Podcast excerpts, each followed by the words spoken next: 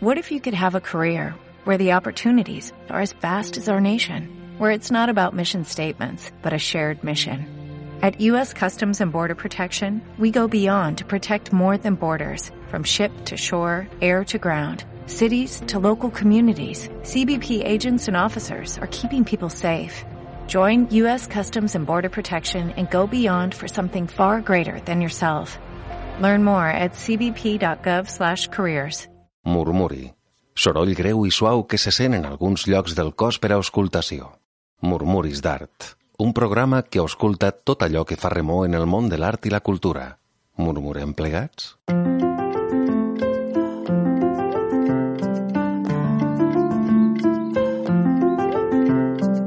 Molt bon dia a tothom. Comencem un nou Murmuris d'Art que ens portarà a creuar l'oceà per parlar amb el compositor Marc Timon. Us aproparem l'empresa de material de joc Grapat.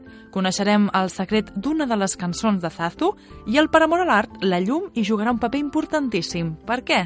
Ara us expliquem. Comencem.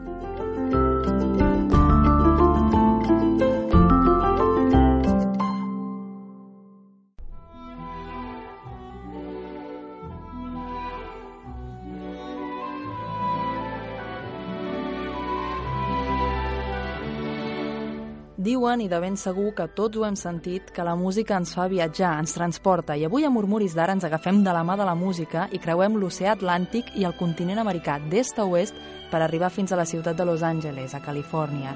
Allà resideix un empordanès que es defineix com a compositor, director i intèrpret, tres vessants en una. Multipremiat per la composició de bandes sonores per pel·lícules de ciència-ficció, de terror, d'animació o de comèdia, entre d'altres gèneres, creador també de música per a documentals, produccions sinfòniques, música coral i de cambra, jazz, pop, rock, música electrònica i videojocs, combina aquesta tasca, la de compositor, amb la direcció d'orquestra i els concerts.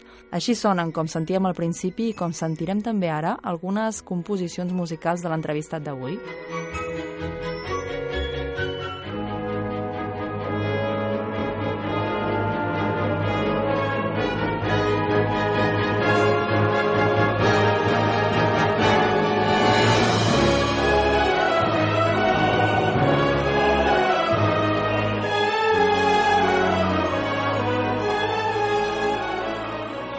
De la mà de la música, com dèiem, viatgem cap a Los Angeles i saludem en Marc Timon Barceló. Marc Timon, bon dia.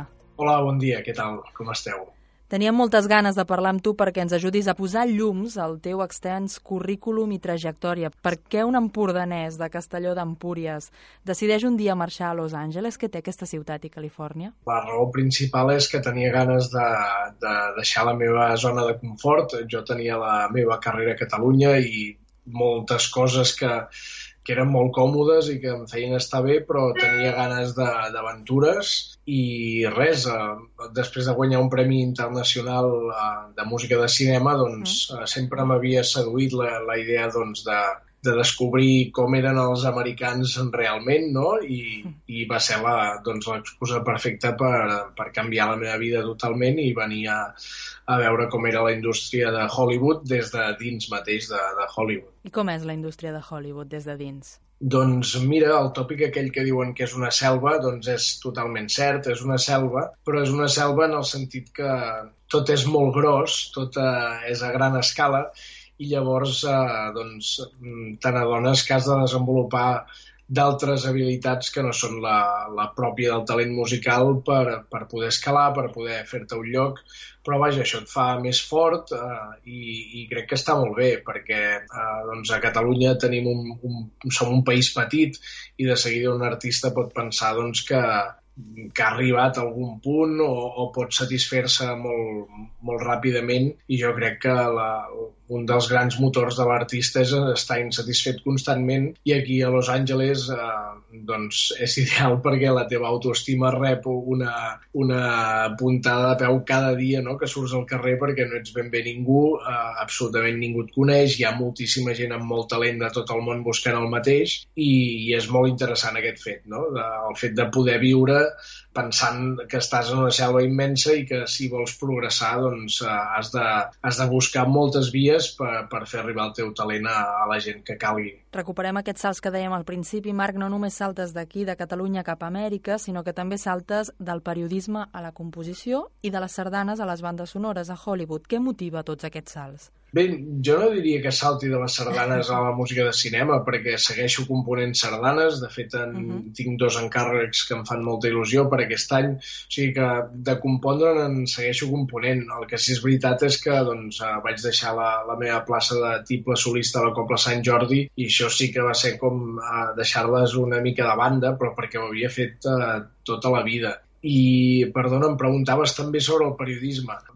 Jo em sento un comunicador i, uh -huh. per tant, tant el periodisme com la composició, com l'escriptura quan la conreu, no sento que estigui fent coses tan, tan diferents. Al contrari, em sento que estic comunicant. És a dir, com a artista doncs, m'agrada agafar la realitat i explicar-la d'una altra manera o transformar-la. I jo crec que el periodisme també va via una mica d'aquesta inquietud. Com arriba una música o una composició d'en Marc Timon a una pel·lícula determinada? Quin és el procés que se segueix? El primer és eh, convèncer algun director, algun productor, que la música que fas tu eh, no només és bona o és bonica, perquè en cinema eh, que una música sigui bonica no és tan important com que sobretot sigui útil a, a la imatge, creï un guió musical, llavors tu els has de convèncer que tens aquesta habilitat no? de, de traduir el guió, la història de la pel·lícula, traduir-lo en música. Però és molt difícil, perquè en general eh, moltes vegades no, no els convences amb la teva pròpia música, sinó que els convenç més que algun conegut seu o algú de confiança els parli de tu i els digui doncs, que tens molt talent o que els pots uh, servir. A partir d'aquí, com neix una banda sonora per una pel·lícula o per un documental? Veus primer les escenes, et regeixes per indicacions de direcció? Com funciona aquest procés, Marc? Uh, hi ha moltes maneres de treballar. Uh, de vegades ja des del de productor o, o el director que t'envia des del primer primer guió i tu te'l llegeixes i et vas imbuint de la història i després t'envien un, un muntatge parcial i, i tu vas fent proves fins al, al que seria més recomanable, que és quan el compositor rep ja el metratge acabat és un procés bonic, és una conversa amb el director, eh, que es diu una spotting session, i en aquella conversa bàsicament pacteu el to de, de la música respecte a la pel·lícula. I després sí que hi és anar escena per escena i, i això, trobar-li primer el to i després el, el tempo, la velocitat que ha de respirar, la intensitat que ha de respirar. I això és de, del més bonic del procés. Ho dèiem també al principi, Marc, en el teu cas, les músiques que has eh, compost o les bandes sonores s'han fet servir per pel·lícules de diversos gèneres, des de ciència-ficció, de terror, d'animació, de comèdia, també per documentals. Et quedes amb algun d'aquests gèneres per algun motiu determinat? Jo sol ser molt amant de, de gèneres molt diversos, és a dir, sí que és veritat que la ficció em sedueix molt, però en els documentals que he treballat, per exemple, que han estat per National Geographic, eh, ha estat eh, increïble perquè el producte en si era d'una qualitat brutal i, no sé, totes les històries que he pogut musicar doncs, d'aquests documentals d'animals eh, m'ha sorprès moltíssim el, el fet de poder treballar eh, en aquest context. M'ha sorprès en el sentit de, de el suc que pots arribar a treure-li, no? I també que pots aportar molt de personal en aquest gènere, que molt sovint doncs, veu de músiques molt neutres, molt naïf, i que no té per què, perquè el documental també té moment de drama, també té moments explicatius, moments de, de molts tipus. Però si hagués de quedar-me amb alguna cosa en particular, doncs uh, sí, la, la, la ficció i el llargmetratge són el, els que m'agradaria poder conrear més. Un cop composta, la música s'ha d'interpretar i, en el teu cas, la majoria de peces són interpretades, o moltes d'elles són interpretades per orquestra. Com ho feu, això? Tens una orquestra de referència o com funciona tot aquest procés? Doncs eh, quan hem de treballar per orquestra sinfònica, vaja, quan hem de treballar no, quan podem treballar, uh -huh. és a dir, quan el pressupost ho permet, perquè, clar, això encareix moltíssim la banda sonora, eh, el que fas és buscar una orquestra que tingui aquell perfil, no? I també, sobretot, una orquestra que, que això és l'únic que miren els productors que econòmicament s'ajusti a les possibilitats de la pel·lícula. Llavors, eh, jo he tingut la sort de, de poder anar a Ucraïna, enregistrar diverses vegades bandes sonores, I ara, últimament, doncs, sobretot després de la crisi que vam viure al, al nostre país, ja s'ha igualat tot molt més i, i hem registrat algunes bandes sonores amb la G Orquestra, que és una orquestra gironina, que és molt tot terreny eh, i amb ells doncs, hi tinc una relació molt, molt estreta, personal i també professional i últimament doncs, eh, és com la meva orquestra de capçalera. Però no només parlem d'orquestra a l'hora de crear peces musicals, oi? Com més treballes, Marc? Exacte, no, no sempre és possible contractar una orquestra, però és que de vegades tampoc cal. De vegades doncs, la música que requereix aquella pel·lícula és eh, en un sentit eh, molt més textural, diguéssim, o molt més ambiental o atmosfèrica, o potser requereix uns sons més electrònics. Llavors és quan intervenen aquí el que en diem els samplers, que són sons virtuals que tenim que nosaltres amb el nostre teclat MIDI, el, el MIDI diguéssim és com una codificació no? de, de, del so, doncs nosaltres podem tenir aquests sons virtuals i també és molt interessant doncs, sortir del gènere orquestral i fer músiques doncs, d'una doncs, altra, altra índole, no? Tens menys de 40 anys i col·lecciones ja una llarga llista de premis i reconeixements internacionals, com ara el Premi Internacional Jerry Goldsmith. Quina és la teva fita, el teu horitzó, allò amb què sempre has somiat, allò que voldries aconseguir? És complicat imaginar cites, uh, fites, perdó, perquè tot el... Uh, sí, també és complicat imaginar cites, exacte. uh, perquè tot el que projectem en el futur eh, pot generar frustració si no es compleix. I en una ciutat com Los Angeles encara més, perquè hi ha tothom no, perseguint tant aquest somni i el tens tan i tan a prop físicament parlant, és a dir, estàs a prop de productors molt gruixuts i, i et sembla que t'ha d'arribar tard o d'hora, però moltíssima gent no li arriba mai.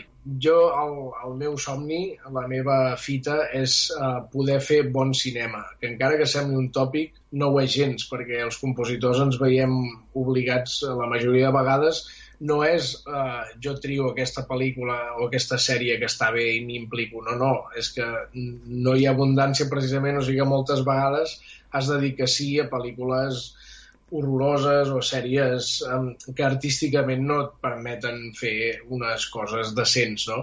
Llavors la meva fita sí que seria això, poder treballar amb, amb grans directors als que admiro, com no sé, com Christopher Nolan o com Paolo Sorrentino, per dir-ne dos de molt diferents, i, ostres, i gaudir del procés, no? I poder gaudir d'un bon equip, poder gaudir de condicions, eh, poder gaudir d'una bona orquestra, enregistrar Abbey Road a Londres, tenir bones condicions. Les meves ambicions i fites van per aquesta banda, i llavors si d'aquí se'n deriven doncs, premis o tot això, perquè clar, estan a Los Angeles és molt típic, no?, que se't pregunta i penses en l'Oscar i, i uh -huh. fites d'aquest tipus i clar, és uh, evidentment que, que moltes vegades hi penses i tens aquests anels, però, però és una equivocació pensar en un sentit tan material perquè, perquè això només arriba quan, quan la sort ho vol, no quan fas una bona banda sonora, perquè com tots sabem, tant els Goyes com els Oscars, les pel·lícules que hi ha nominades són sis o set que van rotant-se amb tots els premis, és a dir, no es dona un premi a la millor música d'aquell any per descomptat, es dona un premi a la música que ha agradat més d'una de les pel·lis més famosilles. Per tant, la meva fita és molt més artística en aquest sentit que no de, de premis. Marc Timon, compositor, director, intèrpret i de ben segur una llarga llista d'etcèteres que podem sumar aquí darrere. Et donem les gràcies per acostar-nos una mica més al programa Murmuris d'Art, al teu món, la teva realitat, els teus projectes i et desitgem molta força per seguir picant pedra i per seguir saltant d'un projecte fins a un altre. Gràcies, Marc. Doncs moltíssimes gràcies a vosaltres per trucar-me i per l'interès i, vaja, seré sempre aquí per tot el que necessiteu.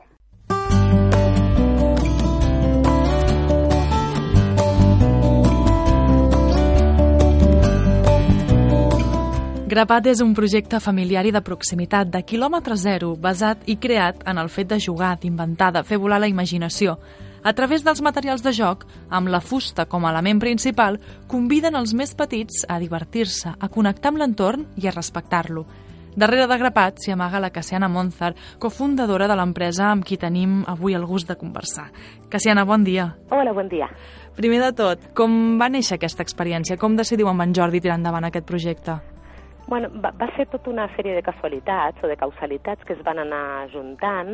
Tot ben bé va néixer el 2009, quan va néixer la nostra filla més gran, mm. i mm, van començar el típic recorregut no? que potser atravessen totes les famílies, de començar a introduir materials a casa, no? i els materials que regalen els avis, els tiets, i ens adonàvem de que havia alguna amb tot això amb el que no ens sentíem gaire còmodes, i van, van instaurar un, una cosa a casa que es diu el, el purgatorio sí? i que el tenim fins al dia d'avui i és una caixa de plàstic molt grossa eh, on anem ficant aqu aquelles coses amb les que nosaltres no ens sentim afins. Mm. Llavors vam començar a retirar, eh, entre cometes, aquests, aquestes joguines sí. i vam fer l'experiment de, de no posar a l'abast, de, de no oferir a la nostra filla cap material. Llavors ella, amb, amb el que trobava per casa, mm. eh, va anar construint el seu petit món, no?, per, sí. per explorar el món del joc. I ens vam anar movent des d'aquí. I luego, al cap de molts anys, eh, vam tenir la sort de que ens van donar una casa al camp, a l'Alt Empordà, i allà vam tenir l'oportunitat de, bueno, de portar a terme no? el projecte que es va anar gestant durant molts anys. I fins a quin punt és important l'entorn? Eh, l'entorn, evidentment, ajuda. Mm. Quan el nen pot estar en contacte amb la natura, eh, i trobar els seus propis eh, materials de joc, perquè no ens agrada gaire parlar de joguines, tot sí? i que fem servir la paraula perquè és la que ens pot apropar més a la gent, sí que parlem de material de joc i la sí? natura és, és aquest entorn com idoni, no? Perquè sí. sempre troben algo amb què jugar. Uh mhm. -huh. Quan el nen necessita un cavall, eh, trobarà un cavall en un pal, en una cadira o en una pilota, no? Uh mm. -huh i des d'aquí treballem. I llavors, perquè ens fem una idea, quin seria el material de joc que vosaltres construïu? Nosaltres treballem sempre des de mm, la premissa de que els materials han de tenir moltíssimes maneres de, de ser utilitzats, Llavors jo quan que sóc la que crea els materials, després el Jordi és qui, qui m'atura, no?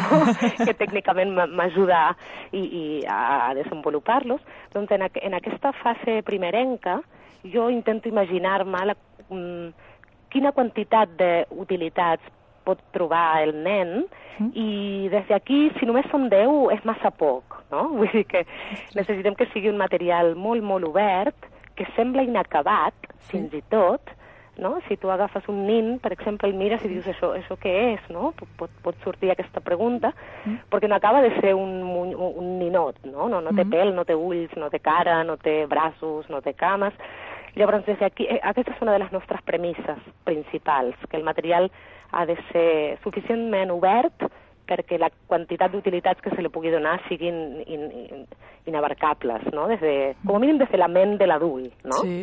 I amb quins materials eh? els feu? Principalment. Quasi tot és de fusta, i luego sí que hem introduït alguna, algun, algo de tèxtil, uns picarols, algo de cuir, però molt poqueta cosa, principalment és fusta. -huh. Una de les coses que ens queda molt l'atenció des de fora quan entrem a l'univers grapat és aquest concepte de proximitat que valoreu tant a l'hora de, de fer els productes i també de, de, del material amb el que utilitzeu. És un dels valors que podríem dir que, Siana, que primeu? Completament. Vull dir, és un dels valors... Són valors que, si bien eh, no estan directament lligats a la infància, mm. eh, sí que són com com les entrelínies, no? I per nosaltres és molt important cuidar el proveïdor, saber qui és, poder visitar-lo, cosa que fem setmanalment. Mm. Fins i tot te diria que el 90% dels nostres proveïdors són de la província de Girona. I, i això, evidentment, també a l'hora del procés productiu o de desenvolupar una idea eh, és complexa, eh? perquè tenim moltes idees en un calaix perquè mm. no podem produir-les aquí o perquè els costos de produir-les aquí són massa elevats. Llavors van, van quedant idees una mica uh, amagades no? en, en un calaix, sí. però és, és, és, un, és un dels principals, principals valors que tenim. I si no pot ser aquí en Catalunya, ens obrim a Espanya i ens obrim a Europa. Uh -huh. I tot el material que treballem prové d'aquí. Uh -huh. mm, I fem una investigació bastant exhaustiva de com treballa l'empresa a la que li comprem el no sé què. Vull dir que realment Clar no comprem a, així com així, sinó que fem tota una valoració. Hi ha uns picarols que portem de fora, sí. que bueno, vam, vam demanar, ens van enviar fins i tot la història, no? perquè és una empresa molt antiga del 1800 i pico, i, i vam arribar, ens van arribar a enviar la història no? de l'empresa. Abans parlàvem, que si Anna, de la fusta, que és un dels elements, també ho hem estat introduint doncs, al tèxtil, ara ens parlaves d'aquests picarols també, però què pot tenir la fusta com perquè sigui l'element base? La fusta lo que, lo que mm, ens dona una calidesa mm. i ens dona un contacte amb la natura amb la que nosaltres sempre valorem molt. Fins i tot amb el color intentem acostar a la natura, no? Fem tot una feina amb el color, segons la teoria de Goethe, i l'objectiu és acostar a la natura eh, per recuperar-nos, per sentir-nos que som part d'algo molt més gros, no? Que també és un del, de les coses que vam, que vam sentir molt a dintre nostra, no?, dels nostres cossos, quan vam arribar a viure aquí, com de sentir que, que pertanys a una cosa més grossa. Llavors, mm, la fusta ens acosta a aquesta idea. Evidentment, és, la, és el material que més ens acosta a aquesta idea, no? N'hi ha un valor important que sí que voleu remarcar, que és uh, la importància de les joguines als infants. Uh, jo, per nosaltres, des de la nostra mirada, és segurament el més important en, en mm. una en, durant la infància, segurament durant tota la vida, val? però això segurament és un altre tema més ampli. No? Sí. Els nens, el joc és el, és el seu discurs, uh, és, el, és la seva pàtria, diguéssim, no? és allà on ells poden drenar, nutrir-se, explorar, expressar, perquè no podem pretendre que una criatura de 3, 4, 6 o 8 anys puguin expressar mitjançant el discurs, la paraula, tot el que les passa per dintre. Llavors, per nosaltres el joc és justament aquell terreny on el nen pot, pot, pot dir, no? on és el seu, és, és el, el seu petit país mm -hmm. i on, en la mesura del possible, tot hauria de ser possible i tot s'hi val, no? Vull dir, llavors, des, des d'aquí treballem de, molt, molt directament lligats al joc lliure, no? Intentem crear un, un amb, amb, mediant el nostre material, un, un entorn de joc on tot sigui possible, on pràcticament no, no hagi d'haver-hi límits, mm. salvo, evidentment, això ho dic alto i claro, perquè això de sense límits espanta una mica, però sí que els límits bàsics de, de no fer mal a l'altre, no, no ens fem mal a nosaltres mateixos, ni al material ni a l'entorn. Salvo aquests quatre límits bàsics, tot hauria de ser possible en un entorn de joc adequat, no? Uh mhm. -huh. I, de fet, el vostre material de joc té també com a característica que en pots comprar de diferents i entre ells pots barrejar-los i pots crear-li un nou univers, barrejant les peces d'un joc amb l'altre, també. Sí, nosaltres tenim unes propostes com uns kits, no?, mm. que proposem fets que van ser fruits realment de, de moltes hores de joc per veure que les sis anelles just tapen el cap del nin. Sí. I, evidentment hi ha, hi ha totes unes propostes concretes i després també tenim com un apartat que no són les peces soltes, no? I que es poden començar com a comprar diferents diferents accessoris, diguéssim, per anar aportant al, al, al, al, a l'hogar o a l'escola sí. o el que sigui, eh, peces més enllà de la, de, nostra proposta, de la nostra proposta. De tota manera, hi ha una cosa que també m'agrada molt dir, i és que nosaltres sí que venem peces soltes, però mai vendríem, per exemple, un nin groc suelto. Perquè hi ha un tema amb el color, sí? que per nosaltres és molt important, vull dir, el nin groc ha d'anar amb tota la seva gamma de colors. Ah. Perquè el color ho treballem des de, des, del, des de la connexió amb la natura des del color que degrada, que canvia de color segons l'estació, de la mateixa fulla que, que va canviant de color en funció de, mm -hmm. de si fa sol o, o, o plou, no? Si és tardor o si és... O sigui que venen peses soltes, però sempre amb els seus companys, no? Vull dir, sempre d'anar tota la gamma junta. Mm -hmm. Doncs nosaltres des d'aquí, des del Murmuris d'Art, que si hem de dir que grapat, ens heu allò enganxat i ens heu capturat perquè ens encanta, ja no només tot aquest ventall de material de joc que teniu, que et deixa doncs embadalit, sinó també tota aquesta filosofia que s'hi amaga al darrere i quan es veu que una cosa es fa d'acord i perquè realment hi ha un convenciment al darrere. Ha sigut un plaer que hagueu passat per Murmuris d'Art. Moltíssimes gràcies per les vostres paraules i per trucar-nos. I sí, eh, ho fem, ho fem amb, amb tot el cor del món.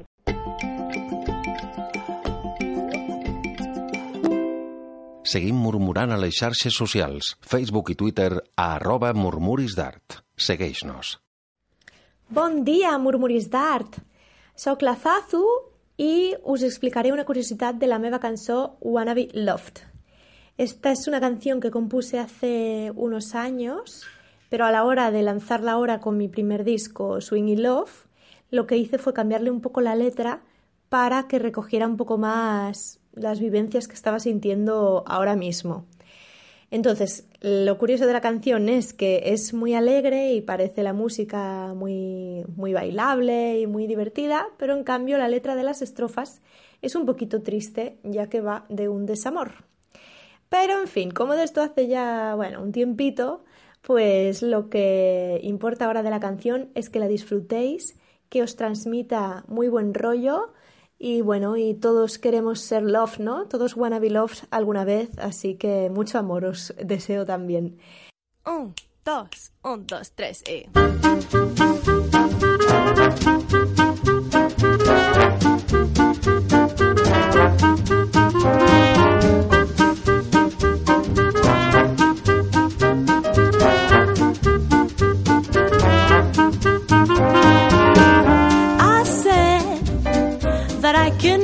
write a song. And I thought I wasn't talented enough. But I can't sing now because I know how to feel and express my sorrow. Singing out loud, sharing myself to be.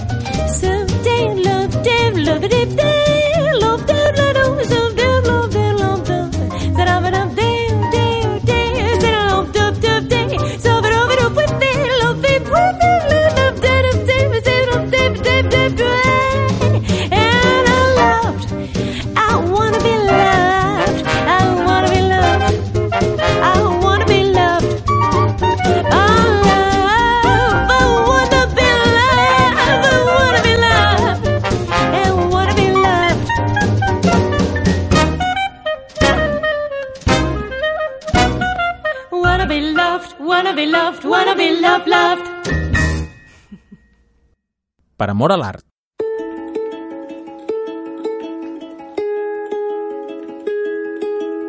Quan es fa de nit, les ciutats es transformen i la llum hi té un paper destacat en aquesta transformació.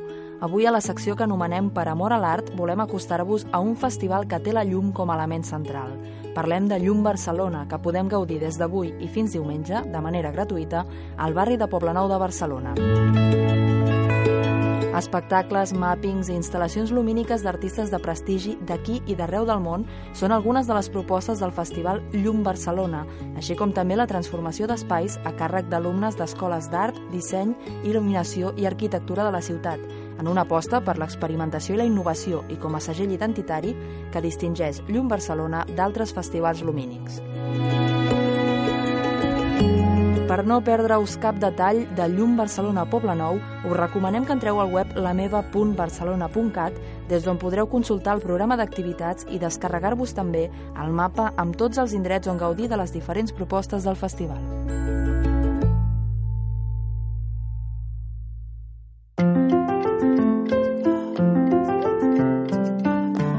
Fins aquí el programa d'avui. Com sempre, seguim murmurant a les xarxes socials, Facebook i Twitter, a arroba murmuris d'art, on trobareu aquest i tots els programes anteriors. Fins la setmana que ve. Que vagi molt bé.